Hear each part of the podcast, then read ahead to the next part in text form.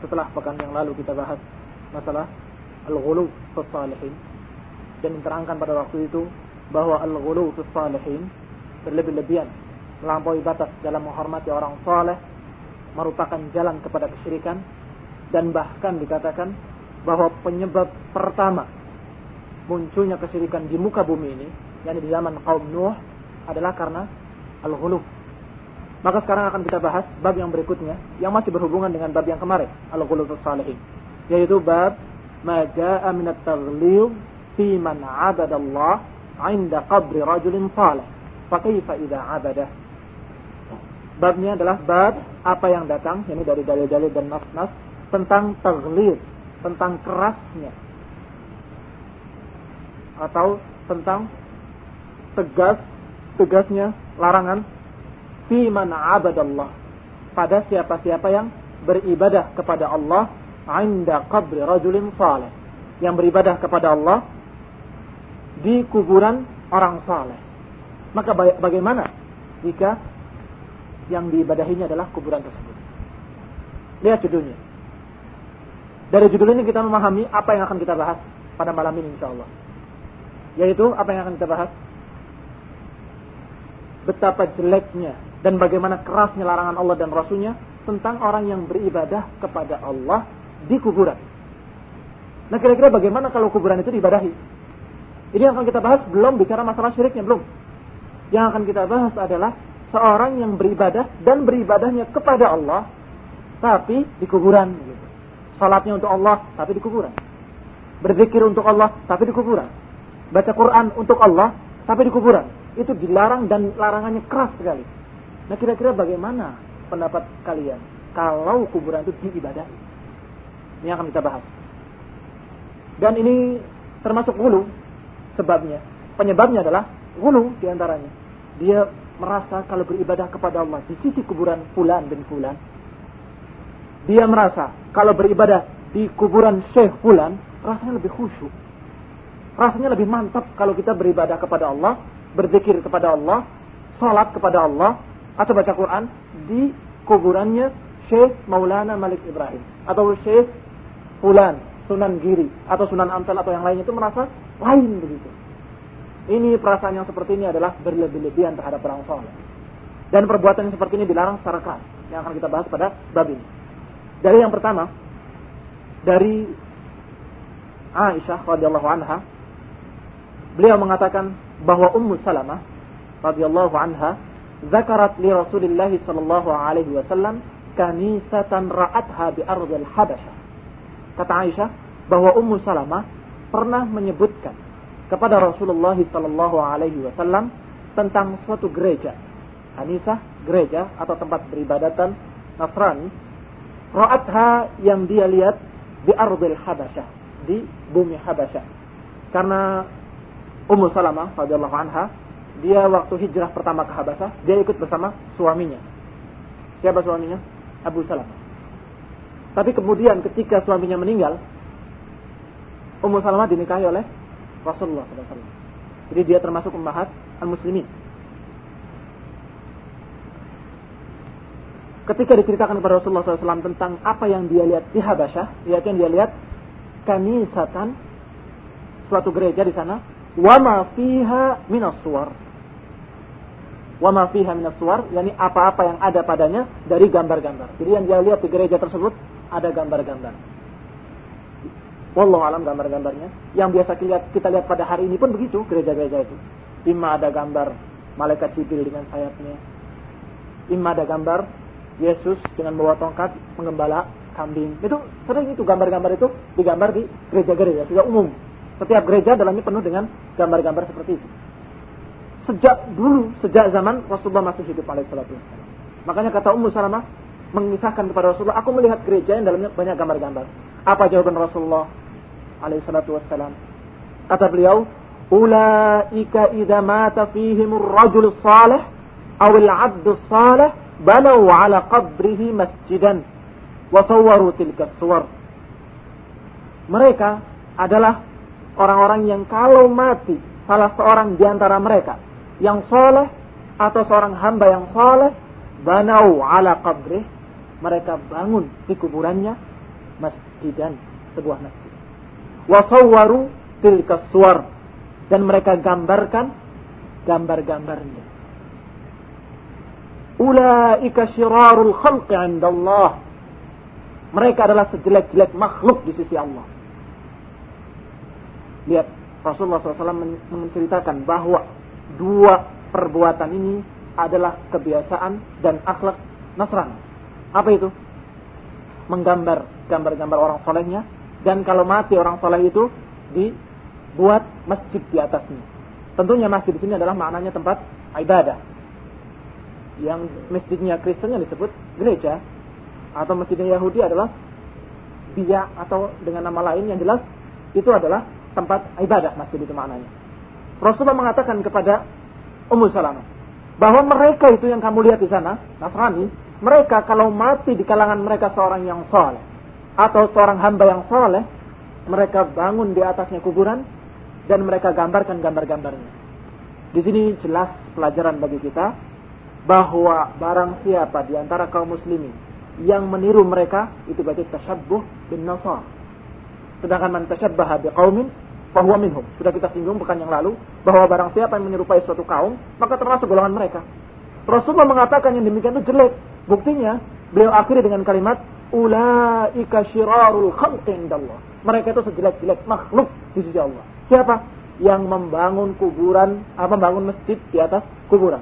Yang membuat foto-foto orang solehnya dan kemudian dibesarkan, dibanggakan di rumah-rumah mereka atau di gereja-gerejanya. Ada syirarul khalq.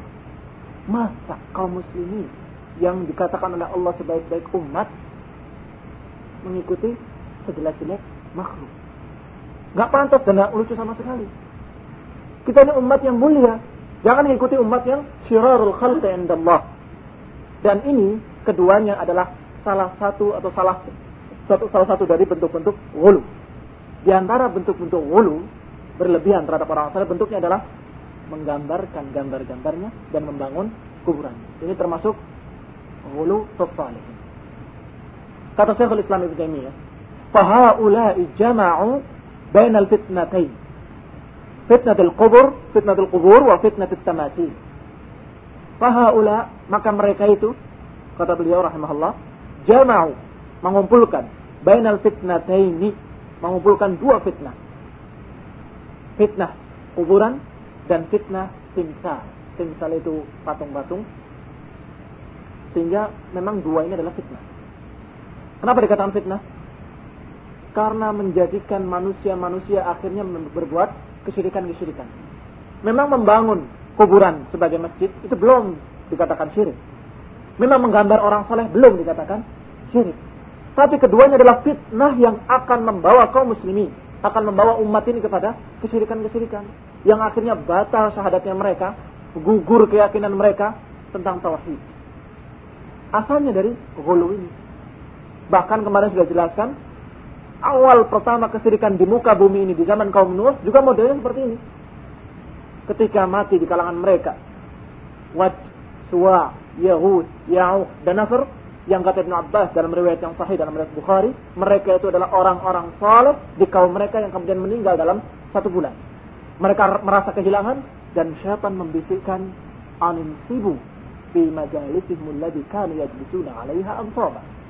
Pasangkanlah, pasanglah gambar-gambar mereka di majelis-majelis mereka yang dulu mereka duduk di situ agar mengingatkan kalian. Kata Qurtubi rahimahullah, mereka menggambarkan gambar-gambar mereka atau membuat patung-patungnya agar mengingatkan jasa-jasanya atau membuat semangat kita beribadah. Katanya begitu asal muasalnya. Tapi akhirnya setelah generasi itu meninggal, generasi berikutnya datang, syaitan membisikkan lain lagi. Bahwa dulu bapak-bapak kamu, dulu nenek moyang kamu, itu berbuat seperti ini, seperti ini. Mereka minta hujan kepadanya, mereka bertawasul kepadanya, mereka berdoa kepadanya, mereka minta dukungan, minta bantuan, dan sebagainya. Sampai akhirnya, oh bidat, disembah dan ibadahi. Maka pada umat ini, umat terakhir ini Rasulullah SAW sudah mengharamkan. Haram membuat gambar-gambar dan haram membuat patung-patung. Kalau dikatakan bahwa di sini kan nggak ada kata-kata larangan, cuma cerita bahwa mereka itu adalah orang-orang yang jelek Nasrani itu. Tidak ada larangan. Walaupun sebenarnya cukup untuk mengatakan bahwa ini kebiasaan mereka yang jelek. Maka kita tidak boleh mengikuti, tidak cukup. Tapi kalau masih bertanya, adakah dalil yang mengharamkan? Jelas hadisnya ada. Yaitu hadis yang berikutnya. Rasulullah SAW meriwayatkan, uh, mengucapkan dalam riwayat Aisyah juga masih walaha walahuma anha. Walahuma maksudnya dan juga dari Bukhari dan Muslim.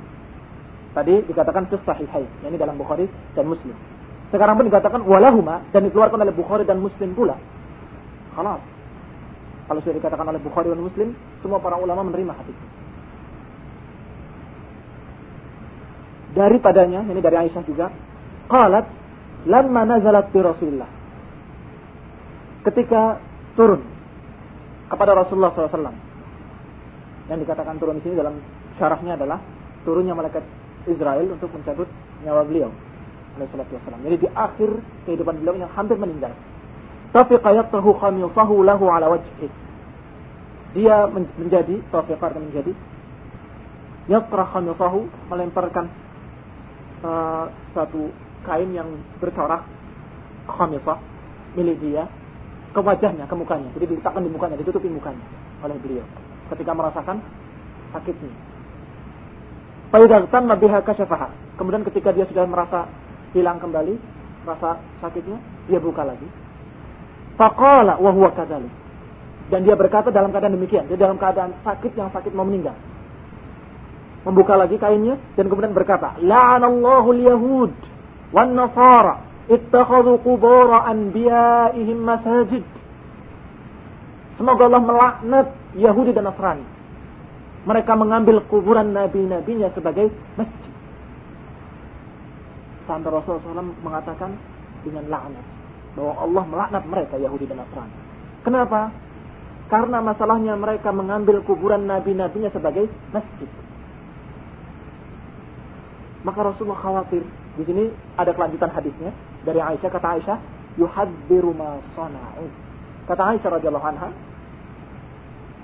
yuhadzir ma sana'u. Rasulullah mengucapkan demikian apa maksudnya?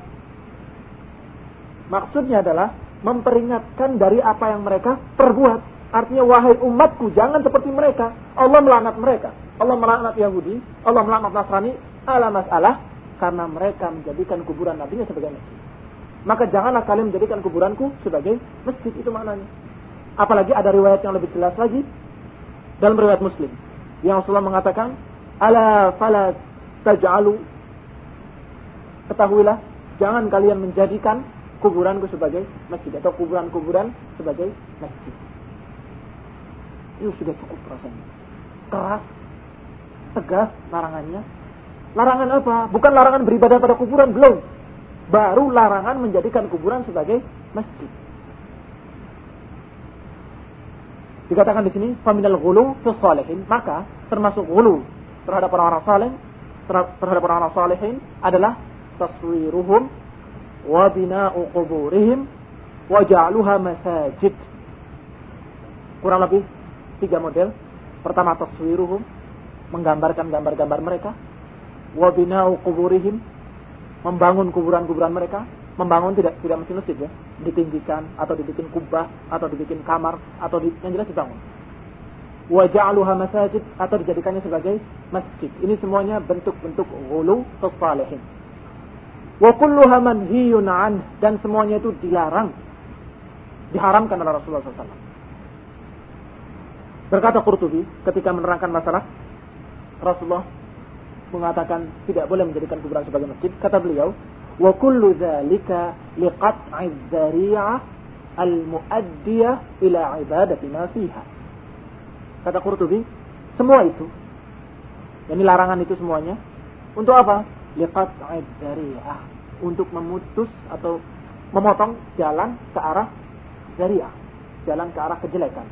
Al-muaddiyah ila ibadati ma fiha. Yang membawa kepada peribadatan siapa-siapa yang ada di dalamnya. Tidak boleh dibangun kuburannya, tidak boleh dijadikan masjid kuburannya. Kenapa? Karena yang demikian itu akan membawa orang itu nanti beribadah kepada apa yang di dalamnya, kepada orang yang dikuburnya. Maka diharamkan oleh Rasulullah SAW seluruhnya. Lihat di antara larangan-larangan Rasulullah SAW tentang tiga model gulu tadi. Yang pertama fit. Qala fit taswir. Rasulullah berkata dalam masalah taswir, dalam masalah menggambar. Dalam Sahih Bukhari dan Muslim. Muttafaqun alaih hadisnya. Beliau mengatakan dengan tegas, "Inna asyaddan nasi 'adzaban yaumal qiyamah al-musawwirun." Sesungguhnya sejelek-jelek manusia azabnya atau sekeras-keras manusia azabnya di hari kiamat adalah para musawwirun. Dan jelas para ulama sudah menerangkan musawwir itu tidak sembarang musawwir. Bukan setiap penggambar masuk neraka. Tapi yang dimaksud adalah penggambar-penggambar yang bernyawa. Menggambar manusia atau menggambar binatang. Dikatakan asyadun nas azaban yaumil qiyamah. Mutafaqun alaih. Bukhari dan Muslim. Barang siapa yang menggambar gambar-gambar syekhnya, gambar-gambar kiainya, gambar tokohnya, dan kemudian gambar orang-orang yang dia cintai, kemudian dia pajang dan dia besarkan hadza musawwir. Dan itu asyad azaban sangat keras azabnya pada hari kiamat. Masih dalam Bukhari dan Muslim pula ada hadis yang lain mengatakan Innal ladzina yasna'una hadhihi as-suwar yu'adzabuna yawmal qiyamah yuqalu lahum ahyu ma khalaqtum. Ketika Rasulullah melihat di rumahnya ada ada tirai yang bergambar dilepas oleh beliau dan mukanya marah kemudian mengatakan innal ladzina yasna'una hadhihi as-suwar sesungguhnya yang membuat gambar-gambar ini diazab di hari kiamat. Dan dikatakan kepada mereka ahyu ma khalaqtum. Dikatakan kepada mereka hidupkan apa yang kamu ciptakan. Yang kamu buat tadi hidupkan. Dalam riwayat lain dikatakan diperintahkan untuk meniupkan ruh tiupkan ruh padanya. Wa ma huwa binafikh dan dia sama sekali tidak bisa meniupkan ruh kepada mereka. Dalam riwayat lain Allah katakan Rasulullah katakan bahwa nanti di hari kiamat semua yang mereka buat, patung-patungnya, gambar-gambarnya, gambar binatang ataupun gambar manusia semuanya dihidupkan dan kemudian jadikan mereka sebagai pengazab orang tersebut. Jadi menggambar si pelukis ini. Dan banyak lagi sampai satu-satu buku. Kalau mau baca bisa dibaca sendiri. Judulnya Hukmut Taswir oleh Syekh bin Bas. Semuanya dikumpulkan hadis-hadis tentang haramnya menggambar. Dan kata Ibn Abbas, yang dimaksud gambar itu adalah gambar yang bernyawa. Kalau ada gambar, bagaimana cara merusaknya? Buang kepalanya. Maka jadilah bentuk pohon. Maka kalau engkau terpaksa mau menggambar, gambarlah pohon. Ketika Ibn Abbas ditanya oleh seorang tentang gambar. Wahai Ibn Abbas, aku ini kerjanya menggambar, melukis. Bagaimana hukumnya? Oh, ini. Mendekatlah kepada Ibn Abbas, apa dia mendekat? Terus mendekatlah kepadaku. Mendekatlah kepadaku Sampai ketika dekat sekali, aku beritakan kepada kepadamu apa yang aku dengar dari Rasulullah SAW tentang masalah gambar. Kemudian diceritakan hadis-hadis tadi dan kemudian diucapkan kalau engkau la buddha fa'ilan, kalau engkau tetap mau berbuat atau mau menggambar, gambarlah pohon-pohon atau yang lain yang tidak bernyawa. Ada masalah gambar. Berarti hukumnya gambar, menggambar makhluk hidup, menggambar manusia, apalagi menggambar syekh yang dikatakan keramat dan sebagainya atau patung-patungnya lebih lagi dua-duanya ya gambar dalam bahasa Arab mengenai kedua-duanya. Laha zil atau laisat laha zil ada gambarnya ataupun tidak ada apa ada bayangannya ataupun tidak ada bayangannya sama. Hukumnya termasuk surah. Wahada haram. Kenapa? Apa karena syirik? Bukan haram yang jelas kalau sudah dikatakan oleh Rasulullah haram dan akan diadab jangan dikerjakan. Walaupun belum dikatakan syirik tapi termasuk jalan kepada kesyirikan. Sehingga tidak pantas dan tidak lucu. Ada orang yang mengatakan, kalau saya kan tidak beribadah kepadanya, nggak apa-apa. Diharamkan oleh Rasulullah itu karena ditakutkan nanti kita beribadah kepadanya. Kalau saya, masa akan beribadah pada benda? Ini orang sombong. Kalau saya sih nggak syirik, nggak apa-apa. Kalau para sahabat dulu dilarang oleh Rasulullah karena mereka itu masih dikhawatirkan kesyirikan. Ya, akhi, sahabat sama kamu imannya tinggi mana? Jangan sombong. Sahabat itu imannya lebih tinggi, mereka khairul umat ukhrijat linnas. Mereka itu adalah sebaik-baik umat dan mereka khairul qurun. Kamu katakan bahwa mereka masih dikhawatirkan kepada kesyirikan sedangkan kamu enggak. Bahkan kamu yang lebih dikhawatirkan untuk terjerumus ke dalam kesyirikan daripada mereka. Berapa ribu kali lipatnya. Kita ini imannya lemah sekali. Baru mengatakan ketika kamu berada di sini dan khusyuk, jangan-jangan karena gambar itu. Baru kamu ketika beribadah di satu tempat, kemudian ada gambar syekhnya, kemudian kamu beribadah ingat syekh itu, bagaimana amalnya? Masya Allah, karena ada gambar syekh ini, kita sepertinya ketambah semangat dan sebagainya. Ini sudah nyerempet-nyerempet ini demikian. Sampai nantinya kemudian lebih daripada itu.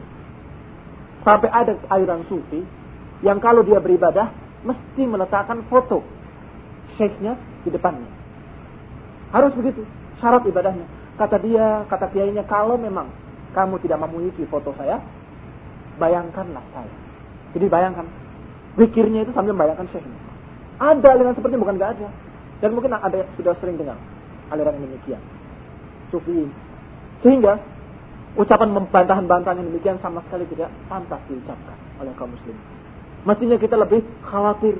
Ibrahim alaihissalam saja mengatakan, kepada Allah Subhanahu wa taala dengan doa wa baniya an na'budal asnam. Ibrahim yang dikatakan dia itu adalah muwahhid dan bapak tauhid, Abul Anbiya, bapak para nabi. Dia berdoa, "Ya Allah, jauhkan aku dan keturunanku dari penyembahan berhala." Kamu mengatakan, "Oh, saya tidak mungkin menyembah berhala." Saya nggak berfoto ini bukan untuk disembah, saya nggak mungkin menyembah berhala. Masa saya akan menyembah berhala? Sombongnya. Padahal Ibrahim tetap doa dalam keadaan takut, "Ya Allah, jauhkanlah aku dari penyembahan berhala." Kemudian wasil bina dan dalam masalah bangunan, membangun kuburan, ditinggikan, disemen, dibikin kubah-kubah, dibikin kamar-kamar khusus dan sebagainya. Rasulullah mengatakan alaihi wassalam bahwa beliau naha an yujassis al-qabr wa an yubna alaih dalam riwayat Muslim. Dalam riwayat Muslim dikatakan annahu sallallahu alaihi wasallam naha an yujassis al-qabr wa an yubna alaih melarang untuk dicat kuburan dan dibangun atasnya, dibangun apa pun nggak boleh. Walaupun tembok sedikit ini nggak boleh. Biarkan tanah dan itu pun setingginya sekilan dan dikatakan pula dalam riwayat bahwa tanahnya pun tanah yang asli dari situ jangan ditambah tanah lain. Sekian itu sudah. Kasih tanda dengan batu. Tapi batunya bentuk nisan, ya pokoknya batu, masih mending, masih itu masih masih batu namanya. Tapi kalau sudah dibangun, dikatakan haram. Karena apa? Melanggar perintah Rasulullah SAW. Annahu naha an yujassisal qabr. Untuk dilabur atau dicat kuburan itu. Dan kemudian dibangun. Atau dibangun kemudian dicat. Ada haram. Dan ini riwayatnya Muslim. Ini pun sama. Apakah dikatakan syirik? Bukan syirik. Kenapa dilarang? Karena wasilah min wasail syirik. Karena demikian adalah jalan dari jalan-jalan kesyirikan yang nantinya akan membawa orangnya kepada ta'zim atau pengagungan kuburan tersebut. Kita lewat dalam satu kuburan di Jakarta, ada satu kubur, ada satu masjid, kecil masjid itu. Ketika masuk, ternyata bukan masjid. Isinya ada tiga atau empat kuburan. Bentuknya persis masjid. Dan di dalamnya ada orang sedang sila, duduk sambil baca Quran, yang sana juga begitu, ada yang bawa tasbih dan sebagainya. Orang yang lewat ini mungkin akan bertanya, kuburan siapakah? mungkin ada apa-apanya. Besar sekali orang itu. Atau bagaimana hebatnya dia. Dan selanjutnya, selanjutnya sampai mengagungkan. Walaupun tadi nggak kenal. Atau kamu lihat kuburan yang dibangun dengan kubah. Itu pun nanti akan menjadi pertanyaan orang berikutnya, generasi berikutnya. Seperti kejadian kaum Nuh. Awalnya nggak disembah. Awalnya cuma mengingatkan saja kepada amalan-amalan solehnya. Awalnya. Tapi generasi berikutnya lihat, kenapa kok dibangun seperti ini? Oh mungkin, mungkin, mungkin syaitan masuk bisa jadi ini begini mungkin dia disembah dulu itu bapak-bapak nenek yang kamu dulu menyembahnya meminta pada mereka bantuan supaya kamu beribadah pada Allahnya khusyuk dan sebagainya Naudzubillah dan juga dalam masalah ittiqad al-qubur sebagai masjid mengambil kuburan sebagai masjid itu pun Rasulullah melarang sebelum kita lihat dalil-dalilnya kita telah jelaskan dulu bahwa mengambil kuburan sebagai masjid itu ada dua makna. Wattikhadul quburi masajid ala maknain. Atas dua makna. Makna pertama, yubna alaiha masajid. Makna pertama adalah dibangun atasnya masjid-masjid. Jadi betul-betul masjid dibangun di atasnya. Sebagai tempat sholat. Masjid Ampel. Atau masjid Sunan Kiri. atau masjid Sunan Anu atau masjid yang jelas kuburan asalnya dibangun masjid. Itu makna pertama. Makna kedua, yaj'aluha mahallan lil ibadat was salat walau lam yubna 'alaiha masajid. Yang kedua maknanya adalah menjadikannya sebagai mahallan lil ibadah. Tempat untuk ibadah. Wassalah dan salat khususnya. Walau lam yubna 'alaiha masajid, walaupun tidak dibangun di atasnya masjid-masjid. Jadi ada dua macam.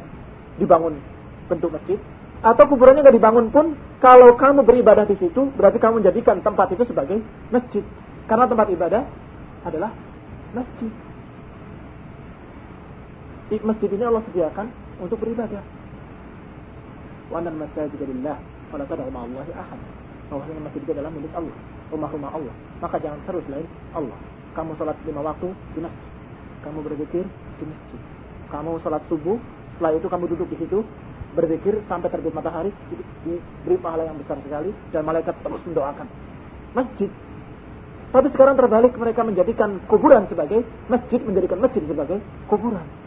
Masjidnya sepi nggak pernah sholat di dalamnya. Sholat wajib nggak pernah di masjid tapi mereka sering sekali datang ke kuburan pada waktu-waktu tertentu untuk berzikir di sana, etikaf di sana, tirakatan di sana, baca Quran, beribadah, sholat dan sebagainya atau menjadikan kuburan sebagai masjid walaupun tidak dibangun. Tapi kan nggak dibangun sebagai masjid, walaupun nggak dibangun, kamu sudah menjadikan kuburan sebagai masjid dalam masalah fungsinya. Difungsikan sebagai fungsi masjid. Dan dua makna ini semuanya terkena oleh larangan tadi. Kalau dikatakan jangan jadikan kuburan sebagai masjid, maknanya dua-duanya. Jangan dibangun masjid-masjid di atasnya dan jangan kamu menjadikan fungsinya sebagai fungsi masjid. Dua-duanya terkena dalam larangan Rasulullah SAW bahwa tidak boleh kuburan dijadikan sebagai masjid dan Rasulullah mengatakan la'anallahu liyahud wan nasar. Allah melaknat Yahudi dan Nasrani yang menjadikan kuburannya sebagai masjid atau kuburan nabi-nabi mereka sebagai masjid. Yang pertama, yubna alaiha masajid terkena dengan yang sebelumnya yaitu bil bina alal kubur. Kalau dibangun saja, ditinggikan saja dengan batu-batu semen aja nggak boleh, apalagi dibangun masjid. Itu sudah terkena dalil yang kedua. Sekarang yang dikatakan menjadikan kuburan sebagai masjid fungsinya.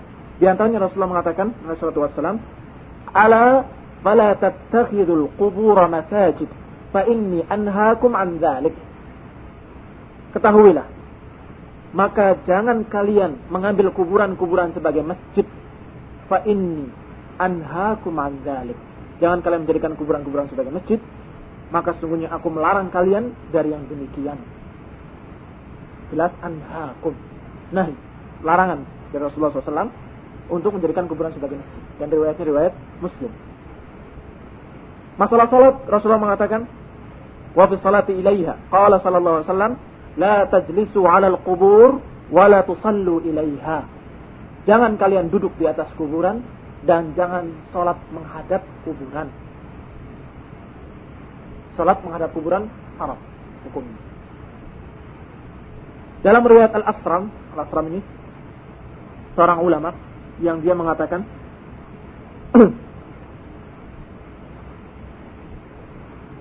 tentang hukumnya beribadah di kuburan itu haram. Dan salat di kuburan haram kecuali salat jenazah. Karena Rasulullah pernah salat jenazah di kuburan. Ketika melihat uh, tukang bersih masjid yang suka nyapu masjid nggak ada. Ke mana fulan? Ya Rasulullah dia meninggal. Kenapa nggak beritahu aku? Mana kuburannya? Ketika dia beritahu kuburannya Rasulullah sholat gitu. Tapi sholat jenazah. Selain sholat jenazah haram. Selain sholat jenazah haram. Sholat di kuburan. Karena apa termasuk menjadikan kuburan sebagai masjid yang namanya sholat di masjid atau di rumah kamu kalau sholat sunnah itu sholat menghadap kuburan hadisnya. Kalau yang di kuburan, mana dalilnya? Riwayat lain dari Asram ini beliau meriwayatkan satu riwayat yang dikatakan oleh beliau wa isnaduhu jayyid. Wa isnaduhu qal jayyid. Kata beliau sanadnya jayyid. Apa hadisnya atau apa ucapannya? Rasulullah SAW bersabda dalam riwayat lain ini, La tusallu alal kubur. Apa bedanya la tusallu alal kubur dengan la tusallu ilaiha? Kalau yang pertama, tusallu ilaiha, maknanya salat yang menghadap kuburan. Kalau yang kedua tusallu alal kubur, maknanya adalah salat di kuburan. Di perkuburan atau di atas kuburannya. Atau di perkuburan di dalam kuburan. Hada diharamkan. Termasuk menjadikan kuburan sebagai masjid. Kemudian baca Quran, bagaimana hukumnya? Di kuburan. Termasuk menjadikan kuburan sebagai masjid, maka diharamkan pula. Dalilnya, Syekh Muhammad Jamil Zainu, dia mengatakan dengan dalil hadis Rasulullah SAW mengatakan, "Wala taj'alu buyutakum maqabir." Jangan jadikan rumah-rumah kamu sebagai kuburan. Fa inna syaitan yafirru minal bait alladhi tuqra fihi suratul Baqarah. Jangan jadikan rumah kamu sebagai kuburan karena sesungguhnya syaitan akan lari dari rumah yang dibacakan di dalamnya surat Al-Baqarah. Mana yang menunjukkan dalil tentang haramnya baca di kuburan? Kalau kita perhatikan hadis ini, Rasulullah mengatakan jangan jadikan rumah sebagai kuburan. Bacalah surat Al-Baqarah. Maknanya kalau kuburan nggak dibacakan surat Al-Baqarah. Jangan samakan dengan kuburan. Kuburan itu tidak dibacakan surat Al-Baqarah di sana. Maka jadikanlah rumah kamu sebagai rumah kamu yang diberi cahaya oleh Allah Subhanahu wa taala dan dijauhi oleh syaitan. Dengan apa? Bacakan surat Al-Baqarah dalam Kalau kamu tidak membaca surat Al-Baqarah dalam rumah kamu seperti kuburan. Berarti kuburan dibacakan gak di sana? Gak dibacakan. Sehingga terbalik orang yang datang ke masjid apa datang ke kuburan-kuburan untuk membaca surat Al-Baqarah atau surat Al-Fatihah atau surat Yasin atau surat-surat yang lainnya di kuburan. Ada apa maksudnya? Kalau kamu membaca lillah fillah, kalau membaca karena Allah pengen cari pahala, baca di masjid atau baca di rumah kamu supaya rumah kamu bersih dari syaitan. Hada tentang masalah baca di kuburan. Dan berbagai macam riwayat-riwayat yang lain yang berhubungan dengan masalah ini. Nah kira-kira bagaimana kalau orang yang beribadah pada kuburan tersebut? Ini semuanya lihat. Apakah ada beribadah pada kuburan? Belum. Baca Qurannya untuk siapa? Mereka untuk Allah baca Qurannya. Salatnya untuk siapa? Salat untuk Allah. Itu sudah diharamkan dan keras pengharamannya dari Rasulullah SAW. Maka bayangkan kira-kira bagaimana kalau diibadahi kuburan itu. Ini belum diibadahi saja, sudah dilarang secara keras. Bahkan sampai Rasulullah mau meninggalnya masih ingat, ingat. Nanti kalau aku meninggal, jangan sampai kuburanku dijadikan masjid. Maka beliau mengatakan la'anallahu al-yahud wan nasara. Sesungguhnya Allah melaknat Yahudi dan Nasrani karena mereka mengambil kuburan nabinya sebagai masjid. Artinya hati-hati hati-hati jangan sampai kuburanku dijadikan sebagai masjid. Kalau kuburan Rasul saja diharamkan untuk dijadikan masjid, apalagi kuburan yang lain, apalagi yang bukan Rasul, apalagi sekedar wali, apalagi yang walinya pun diwalikan padahal dia bukan wali apalagi yang mengaku wali dan sebagainya. Sehingga dengan ucapan beliau yang ringkas tadi bahwa Allah melaknat Yahudi dan Nasrani menjadikan kuburan mereka sebagai apa kuburan nabinya sebagai masjid sudah cukup. Sudah cukup keras dan tegas bahwa haram menjadikan kuburan nabi sebagai masjid. Muncul pertanyaan dan sering kali kalau kita bahas masalah ini mesti pertanyaannya kuburan nabi sekarang jadi masjid. Itu mesti. Kita jawab, bahwa itu bukan menjadikan masjid di atas kuburan. Karena masjid juga atau kuburan dulu adanya. Sebelum Rasulullah meninggal sudah ada masjid itu. Masjid Madinah itu. Jadi bukan membangun masjid di atas kuburan, bukan. Memperluas masjid terpaksa kena kuburan. Itu satu, pertama. Sehingga kalau membangun masjid sudah batal. Itu bukan membangun masjid di atas kuburan mana. Karena kuburan sudah ada sebelum apa masjid sudah ada sebelum kuburan. Itu pertama. Sekarang yang kedua, menjadikan kuburan sebagai masjid menjadi makna yang kedua. Yaitu apa? Menjadikan fungsi sebagai fungsi masjid. Ini bisa jadi muncul bagi orang-orang tertentu. Kalau kita masuk ke masjid masjid Nabawi sebenarnya apa yang kita lakukan? Kita sholat di mana? Di Raudhah. Raudhah itu di antara kamar Aisyah dan mimbar ini adalah Raudhatun min Riyadil Jannah yang di situ kata Rasulullah makbul doa di situ ini orang ikut sunnah namanya. Dan tidak menjadikan kuburan sebagai masjid. Karena dia niatnya memang Raudhah dan Masjid Nabawi ini bagus. Tapi ada orang-orang yang mubtadi'in, ahli bid'ah, itu bukan mencari Raudhah, carinya kuburan Nabi. Dan sholat di belakang kamar Aisyah. Berarti menghadap kuburan Nabi. Dan kemudian dia berdoa di situ, sholat di situ. Nah ini sudah menjadikan kuburan Nabi sebagai Paham Kalau kebetulan kamu sholat berjamaah bersama imam di Masjid Nabawi. Kamu sholatnya pas di belakang kuburan Nabi. Itu tidak menjadi soal dan tidak ada kejelekan padanya. Kenapa? Karena kalau berjamaah yang dilihat adalah imam. Apakah imamnya menghadap kuburan apa enggak? Kalau imamnya tidak menghadap kuburan, bahkan di Rasulullah, hal cukup. Walaupun kamu kebetulan karena sofnya panjang, kamu berada di belakang kamar Aisyah itu tidak jadi masalah. Paham ya bedanya? Jadi bisa jadi sekarang ini ada orang-orang yang menjadikan kuburan Nabi sebagai masjid. Ada. Datang jauh-jauh dari Indonesia, dari Mas, dari Masr, dari Pakistan dan sebagainya datang situ khusus untuk cari kuburan Nabi. Begitu dekat kuburan dia mengusap-usapnya dan meraupkan ke mukanya dan menangis kemudian beristighatsah, beristianah kepada Nabi. Ya Habibullah, ya Nabi Allah dan sebagainya. Ada menjadikan kuburan Nabi sebagai Kalau kamu ke situ bukan ke sana, bukan ke kuburannya. Beri salam pada Nabi. Allahumma salli wa sallim alaihi. Kemudian kamu carinya Allah. Salat di Allah tidak menghadap kuburan karena sholat sunnah. Jadi kalau kamu sholat sunnah jangan menghadap kuburan. Tapi kalau sholat berjamaah, kebetulan kamu di belakang kuburan tidak jadi masalah. Bisa dipaham ya? Ini pertanyaan banyak sekali muncul dari kalangan kita masalah ini. Setiap dibahas masalah ini. Sehingga insya Allah sudah kurang lebih seperti itu jelasnya. Yang jadi masalah sekarang setelah itu. Apa yang terjadi di masyarakat kita yang mereka rata-rata membangun kuburannya sebagai masjid atau kalau tidak sebagai masjid kuburannya dibangun dan ditinggikan dan kemudian dikeramatkan kemudian dijadikan tempat itu untuk tawassul ini lebih dari yang tadi haramnya. Kalau ini saja sudah diharamkan seperti itu. Riwayat yang tadi riwayat yang dikatakan ala fala tattakhidul qubur masajid itu ada hadisnya sebenarnya panjang. Hadis lengkapnya seperti ini. Kita bacakan hadis secara lengkapnya. Dikeluarkan oleh Muslim dari Jundub Ibni Abdullah. Kata beliau, aku mendengar Nabi Shallallahu Alaihi Wasallam qabla an yamut sebelum meninggal bi khams wa huwa yaqul dan dia berkata, "Inni abra'u ilallah." Aku berlepas diri kepada Allah an yakuna li minkum khalil. Aku berlepas diri kepada Allah untuk menjadikan bagiku al-khalil. Khalil artinya kekasih yang lebih daripada sekedar dicintai. Jadi dari hub dengan khullah itu lebih tinggi khullah. Cinta dengan khalil itu lebih tinggi khalil. Aku berlepas diri pada Allah untuk menjadikan bagiku seorang kekasih.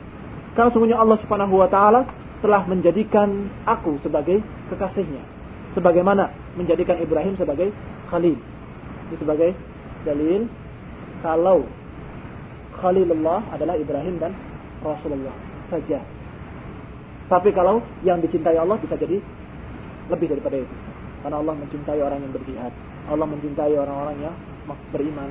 Allah mencintai orang-orang yang berinfak dan sebagainya. Tapi kalau Khalil, cuma ada dua. Siapa Khalilullah? Ibrahim dan Rasulullah SAW. Walau kuntu muttakhidan min ummati khalilan attakhadtu Abu Bakr khalilan. Kalau aku menjadikan dari umatku seorang kekasih, tentu aku akan menjadikan Abu Bakar sebagai kekasih. Kalau aku boleh mengambil Khalil, aku jadikan Abu Bakar sebagai Khalil. Tapi karena tidak boleh, maka dia tidak mengambil Khalil. Berarti yang paling dicintai oleh Rasulullah siapa? Abu Bakar. Ala wa inna man kana qablakum kanu yattakhidun qubur anbiya'ihim masajid. Ketahuilah, sesungguhnya orang-orang sebelum kalian mereka mengambil kuburan-kuburan nabi mereka sebagai masjid. Ala fala tattakhidul qubur masajid. Ketahuilah, janganlah kalian menjadikan kuburan-kuburan sebagai masjid. Fa inni anhaakum an. Maka sesungguhnya aku telah mengharamkan atau telah melarang yang demikian. Di sini ada dalil dikatakan dalam Fathul Majid bahwa ada keterangan bahwa As-Siddiq Abu Bakar As-Siddiq adalah sebaik-baik sahabat dan fihi rad ala rafidah wa ala jahmiyah. Di sini ada bantahan terhadap rafidah syiah dan jahmiyah. Yang dua-duanya adalah syarru ahli bidah, sejelek-jelek ahli bidah. Siapa? Rafidah dan Jahmiyah. Rafidah itu Syiah, Jahmiyah itu dari pengikut Jahan ibn Safwan. Wa akhrajahum ba'd salaf min isnataini wa sab'ina firqah. Bahkan sebagian ulama salaf dulu mengeluarkan mereka dari 72 golongan. Kan umat Islam ini dalam satu riwayat dikatakan akan berpecah menjadi 73 golongan. 72 masuk neraka, yang satu masuk jannah. Ini sampai-sampai ulama-ulama dulu ada sebagian yang mengatakan mereka ini Rafidah ke 72 aja nggak masuk. Kenapa demikian? Karena Rasulullah ketika mengatakan tentang perpecahan umat mengatakan apa? Wa inna hadhil dalam riwayat lain umatku akan berpecah umatku akan berpecah. Jadi 73 itu semuanya umat Rasulullah SAW akan berpecah menjadi 73. Tapi Syiah, Rasulullah itu keluar dari 73. Tidak dianggap yang termasuk 73 itu. Wala yang masuk neraka, apa wala yang masuk jannah, dan dua tiga yang 22. Berarti bukan Islam dan bukan umatku begitu. Karena kufurnya mereka. Kelanjutannya dia mengatakan, bisababir rafidah. Dan karena sebab mereka kaum rafidah hadatsa syirik wa ibadatul kubur. Dan penyebab mereka itulah terjadinya kekufuran, kesyirikan dan peribadatan terhadap kuburan. Jadi kalau dalam sejarah manusia pertama kesyirikan kapan? Nabi Nuh. Tapi kalau di umat kita, ini umat Nabi Muhammad SAW, kapan munculnya kesyirikan pertama kali? Ketika munculnya Rafidah. Di zaman khilafah Ali muncul Rafidah. Mulai muncul kesyirikan sampai menuhankan siapa? Ali. Kan ini hulu. Maka dikatakan bisa babir rafidah karena rafidah itulah munculnya kesyirikan-kesyirikan dan peribadatan kepada kuburan-kuburan. Wahum awwalu man bana 'alaiha masjid Dan mereka lah yang pertama membangun di atas kuburan masjid. Yaitu di zaman Fatimiyun. Kalau kesyirikannya sudah muncul sejak Ali masih ada. Tapi dibangunnya masjid di atas kuburan ketika zaman Fatimiyun. Ketika mereka membangun kuburan Al-Husayn ibn Ali radhiyallahu anhu. Semoga Allah menjaga keduanya. Dibangun di atasnya kuburan. Apa dibangun di atasnya? Dan dibangun di sana dan mereka sawah di sekitarnya dan mereka memakan tanahnya. Siapa? Rafidah. Ini muncul pertama kali sejarah dibangunnya masjid di atas kuburan. Dan kemudian yang terjadi sekarang ada tiga kuburan Husain. Ajaibnya. Satu di Mesir, satu di Iran, satu lagi di Syam. Gak tahu yang benar yang mana. Dan tiga-tiganya jadikan masjid dan dijadikan tempat kesyirikan-kesyirikan. Semua bentuk kesyirikan ada di sana. Naudzubillah. Maka pantas kalau sebagian kaum salaf saleh mengeluarkan mereka dari 72. 72. 72 saja tidak masuk dia apalagi termasuk yang firqah najiyah. Jauh sekali dari firqah najiyah.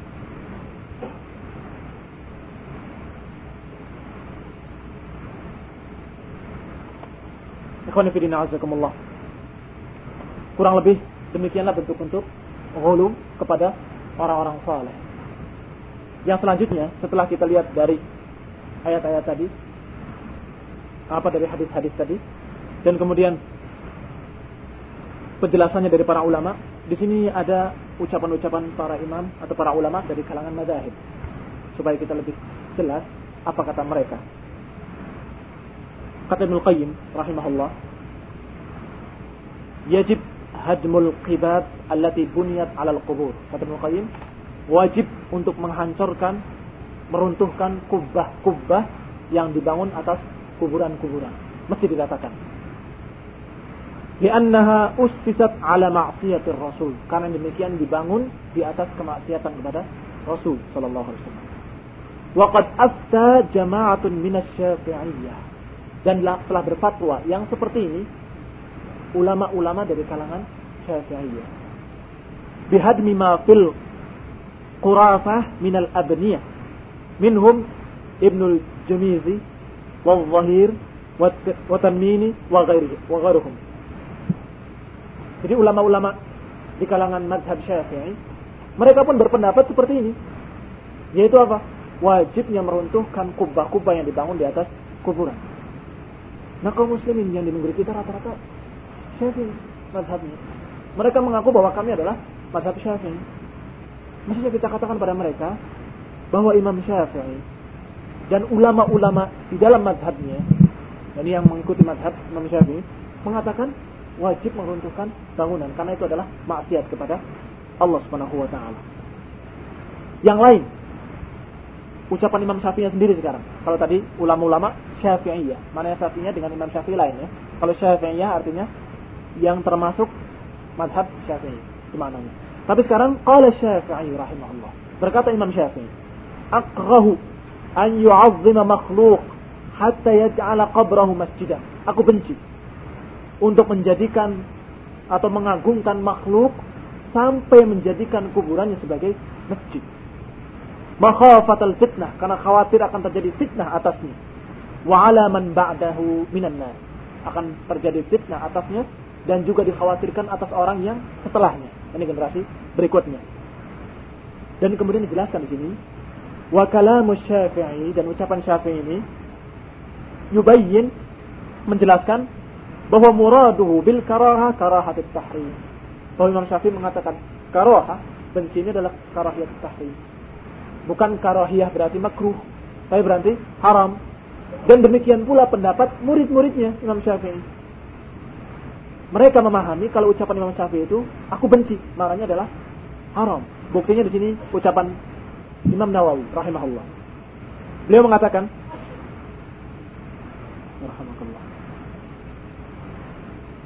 Berkata Imam Nawawi dalam Syarah Al-Muhadzab bitahrimil bina'i mutlaqan. Lihat Imam Nawawi. Beliau mengatakan tentang haram membangun di atas kuburan mutlak bentuk apa pun. Secara mutlak. Bisa dilihat dalam Syarah Al-Muhadzab Imam Nawawi. Dan juga beliau mengatakan demikian juga dalam Syarah Muslim.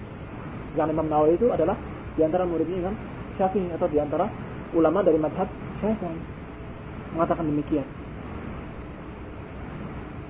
Madhab yang lain, madhab Imam Malik dikatakan di sini, qala al-Qurtubi fi hadis Jabir radhiyallahu anhu Qurtubi menceritakan tentang ucapan atau riwayat hadis dari Jabir yang mengatakan naha an yujassis al-qabr atau yubna alaih yang tadi kita baca dilarangnya mencet kuburan atau melabur kuburan atau membangunnya Dikatakan kata dia, wa bidhahiri hadzal hadis qala Malik. Jadi Qurtubi meriwayatkan dari Imam Malik. Dengan zahir hadis ini berkata Imam Malik, wa karihal bina'u wal jassu 'ala al-qubur. Dan dibenci atau aku benci membangun dan mencat atas kuburan-kuburan. Waqad ajazahu ghairu, tapi sebagian ada yang membolehkan. Tapi hadis yang tadi dibaca hujah atas mereka yang membolehkan. Artinya hujah yang membantah orang yang membolehkan hadis yang melarang. Sehingga yang mengatakan, emang ada ulama yang mengatakan boleh tapi makruh.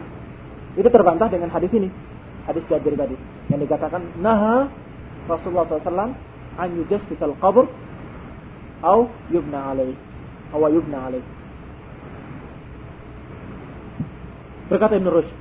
Masih dalam madhabnya Imam Malik. Berkata Ibn Rushd, kariha malikul bina alal qabr wa ja'ala al bilatah al maktubah.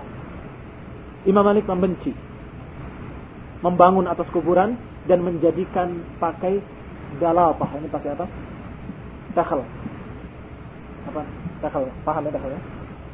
Lantai, iya pakai lantai-lantai yang maktubah yang kemudian ditulis di situ. Wahwa min bid'ah ahli tul. Dan ini adalah bid'ahnya orang-orang ahli tul yang sok tinggi ahdatsu iradatal fakhr yang dia mengada-ngada dengan bidahnya itu iradatal fakhr. Apa maunya? Fakhr, kebanggaan. Membanggakan bapaknya, membanggakan kakeknya, membanggakan ustadznya dan sebagainya.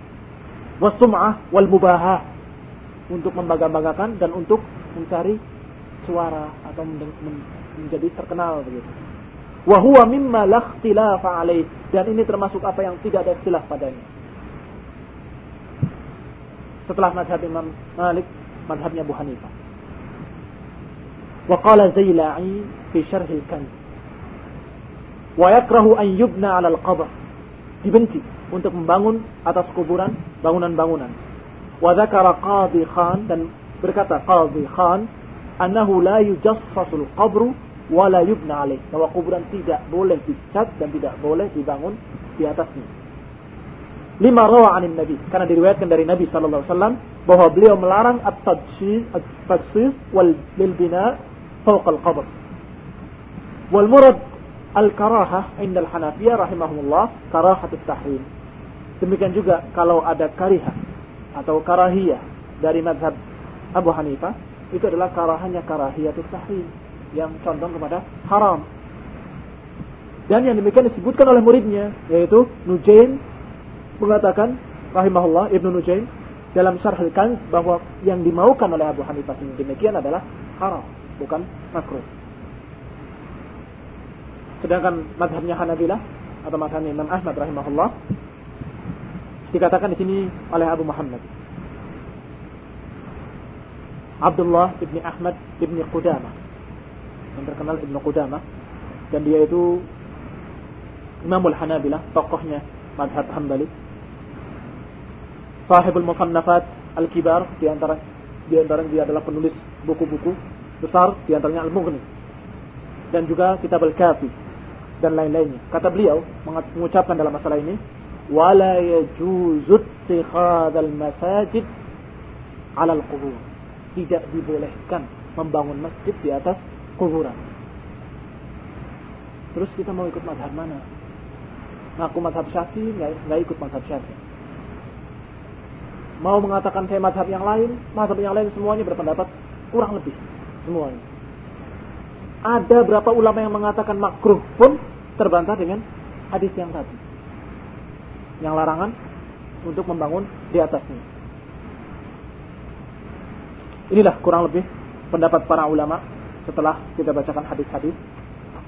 Wallahu a'lam bishawab, nasul taufiq dan kita berharap kepada Allah Subhanahu wa taala agar menjadikan kita kaum muslimin as-sadiqin dan menjadikan kita muwahhidin dan jauhkan dari segala macam bentuk kesyirikan-kesyirikan dengan usaha kita berusaha untuk menjauhi segala jalan-jalan yang menuju kepadanya. Wa nasallahu taufiq wa nasallahu ta'ala ayyajalana minal ladzina yastami'una al-qawla fayattabi'una ahsana. Allahumma nas'aluka ridhaka ونعوذ بك من سخطك وغضبك وتوفنا على الأبرار ربنا لا تزغ قلوبنا بعد إذ هديتنا وهب لنا من لدنك رحمة إنك أنت الوهاب sebelum ditutup barangkali pertanyaan silahkan kasih jawaban dari jawab dari ulama al-adru'i dari wa amma butlanul wasiyah bi bina'il qubab wa ghairiha min al-abniyah wa infaqul amwalil kathira fala raiba fi tahrim. Kata Al-Adru'i, sedangkan batilnya atau batalnya wasiat untuk membangun kubah-kubah di kuburan atau bangunan-bangunan lain di kuburan dan menginfakkan harta yang banyak yang dimaksud banyak lebih dari sepertiga. Karena haram berwasiat lebih dari sepertiga. Jadi kalau orang meninggal itu berwasiat harus sepertiga haknya.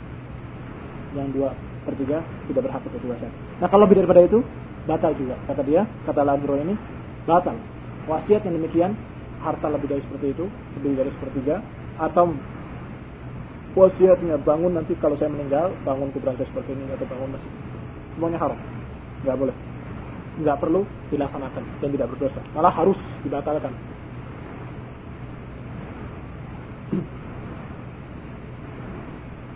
tentang masalah tidak bolehnya sholat di kuburan. Larangan Rasulullah mengatakan tidak boleh sholat di kuburan. Itu ulama ada yang mengatakan tidak bolehnya bukan karena masalah syirik dan sebagainya. Karena ditakutkan najis. Karena kuburan itu ada bekas sisa-sisa bangkai manusia atau ada sodid saat itu cairan-cairan yang keluar dari manusia sehingga najis begitu salat di kuburan. Ini sebagian ulama mengatakan demikian. Bagaimana membantah mereka atau mengatakan dengan pendapat ini? Bagaimana pendapat ini gitu? Tanggapannya di sini ada jawabannya bahwa sebagian ulama memang mengatakan ilahnya adalah itu. Tapi ulama yang lain mengatakan ilahnya adalah ta'abbudiyah. Ta'abbudiyah itu maknanya beginilah ajaran Islam, maka walaupun kamu pakai sejadah atau pakai apa tetap nggak boleh. Kalau yang ilahnya ada sodid atau ada najis, berarti pakai sejadah boleh kan? Karena sudah hilang ilahnya begitu. Nah maka dijawab ilahnya ta'abbudiyah. Kata ulama yang lain, ilahnya adalah ta'abbudiyah. Sebabnya adalah ibadah atau perintah Allah Subhanahu wa taala tidak boleh. Halas. Sehingga ada pakai mafrush atau tidak, pakai sejadah ataupun tidak tetap haram di kuburan. Karena ilahnya masalah syirik tadi. Nanti akan membawa kesyirikan. Kemudian di sini bantahan mereka kepada yang mengatakan ilahnya adalah najis dari beberapa segi. Segi pertama kata dia, annahu minal qawli 'ala Allah bila ilm. Pertama, ucapan seperti itu ucapan atas nama Allah tanpa ilmu. Kenapa? Karena dikatakan itu tidak dengan alasan. Oh itu maksudnya begini. Kan tanpa ilmu. Tahunya kamu maksud Allah dan Rasulnya melarang. Alasannya itu dari mana tahunya? Mereka nggak punya dalil. Cuma, anu maksudnya itu karena najis. Siapa yang mengatakan bahwa diharamkannya sholat di situ karena najis? Kata siapa? Kan nggak tahu. Maka itu pertama, ucapan atas nama Allah tanpa ilmu. Wahwa haramun binafsil kitab. Sedangkan ucapan tanpa ilmu diharamkan dalam kitab Al-Quran. Kemudian yang kedua, alasan kedua membantah mereka, annama qaluhu la yaqtadi la'na fa'ilihi wa taghlib alaih. Kalau memang alasannya karena najis, maka tidak akan ada kekerasan larangan dari Rasulullah SAW untuk sholat di atas kuburan. Kenapa kok larangannya keras sekali? Padahal sholat di kuburan sama dengan sholat di kamar mandi. Sama enggak?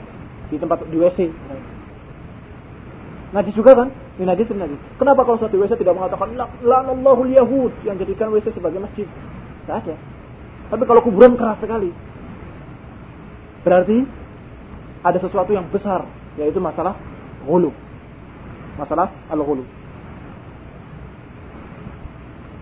dan tidak pernah kejadian Rasulullah mengatakan barang siapa yang sholat di tempat najis dilaknat oleh Allah tidak pernah maksud sholat di kuburan karena najis sampai dilaknat kalau memang alasannya najis berarti sholat di di mana pun dilaknat kan kalau najis sholat tempat najis dilaknat kamu sholat di tempat yang najis, dilaknat di mana saja. Tidak mesti di kuburan. Tapi Rasulullah mengatakan kuburan itu. Ittiqad kubur anbiya'ihim masajid. Yang ketiga, هذا اللعن والتغليظ الشديد إنما هو في من اتخذ قبور الأنبياء مساجد وجاء في بعض النصوص ما يعم الأنبياء وغيرهم فلو كانت هذه هي العلة لكانت منتفية fi kuburil anbiya. Jawaban yang ketiga juga Masya Allah, jelas sekali. Kata dia, lihat, laknat tadi dari Rasulullah SAW kepada mereka-mereka yang menjadikan kuburan nabi-nabinya sebagai masjid. Iya kan, begitu kan kalimatnya? Menjadikan kuburan nabi sebagai masjid. Nah sekarang, kalau alasannya najis atau keluarnya cairan karena membusuk dan sebagainya dari tangkai tersebut sekarang bangkai Nabi hancur enggak? Yang riwayatnya banyak dari para rasul itu tidak dimakan oleh bumi. Berarti boleh dong, nggak ada najis, karena tidak akan sampai sisa-sisanya keluar atau cairannya akan ke mana-mana. Karena dia tetap dalam keadaan utuh, nggak dimakan tanah atau dimakan binatang-binatang. Tapi tetap Rasulullah mengatakan la'anallahu al-yahud wan nasara ittakhadhu qubur anbiya'ihim masajid. Sehingga yang alasannya itu tidak boleh sholat di situ maksudnya karena najis. Karena najis itu omongan kamu tanpa ini. Kalau memang karena najis, kenapa sholat di kuburan Nabi pun tidak boleh? Di atas kuburan Nabi orang dia. Karena karena najis itu karena karena kita kita sampai padahal Rasulullah SAW tidak hancur. Sehingga tiga jawaban ini cukup kiranya untuk melemahkan pendapat yang mengatakan alasannya ilahnya karena najis. Jadi kalau kamu dengar bantahannya, biasanya itu alasannya. Itu karena ilahnya adalah najis. Nggak boleh sholat. Kalau nggak najis, kalau kamu pakai ini, pakai ini, pakai ini, di dan sebagainya, boleh. Ada nggak tepat dan marjuh.